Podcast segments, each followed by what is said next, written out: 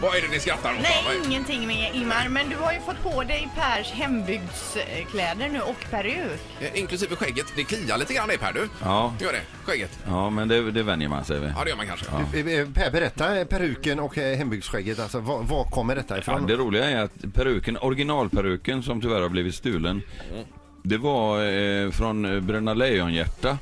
Filminspelningen av Bröderna Lejonhjärta, den ärvde jag när vi spelade in filmen Leif. Det var då Ja. första gången den här figuren var med. Dök upp. Och det var eh, Jonathan hette han väl, han som hade den här Mm, peruken då. Ja, för det är ju precis sån frisyr som man har Mm. Ja. nu när du säger det. Ja.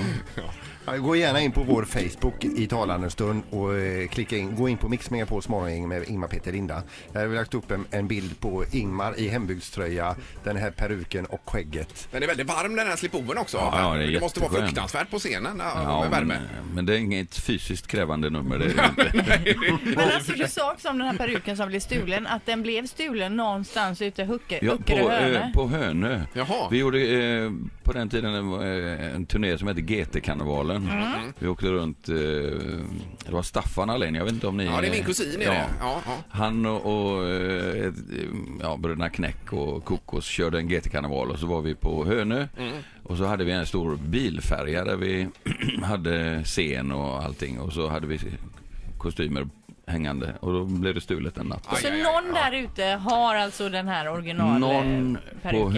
Hönö har min originalperuk. Jag vill härmed efterlysa den och se om jag kan få tillbaks den. Ja, det hade varit riktigt För det bra är inte ju. bara min utan det är ju då eh, Bröderna Lejonhjärtas Jonathans peruk. Och svensk filmindustri. och svensk filmindustri. Så att, eh, Ja, ja. I botten här, ja. ja.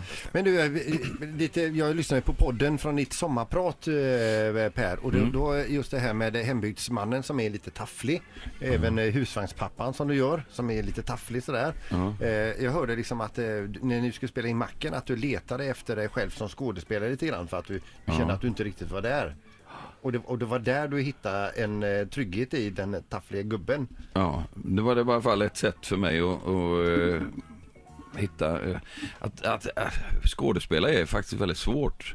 Att bara hitta på, ta och göra, gestalta en eh, viss karaktär. Så där, det, men när man kan hitta det inom sig, och det hittade jag då.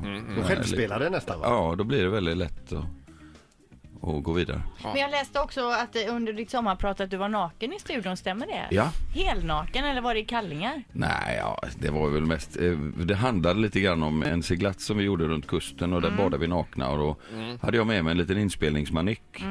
Och det började med att vi hade tagit ett sånt här morgondopp klockan sex en solig morgon och så stod min svåger eh, naken i sittbrunnen medan jag Mm. pratade in där. Och då var jag tvungen att lägga till och det ni inte vet nu det var att nu var min svåger naken, så nu har han varit naken i radio. Mm. Och sen så återkom det där lite ett par gånger under seglatsen och sen så ville jag avsluta hela mitt program med att ja, jag var faktiskt naken när jag spelade in det Och här du var det Så- också då? Nej, inte.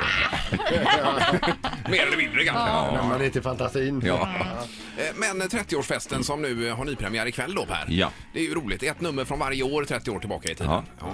Ja. Eh, Och ni har varit i Stockholm med detta.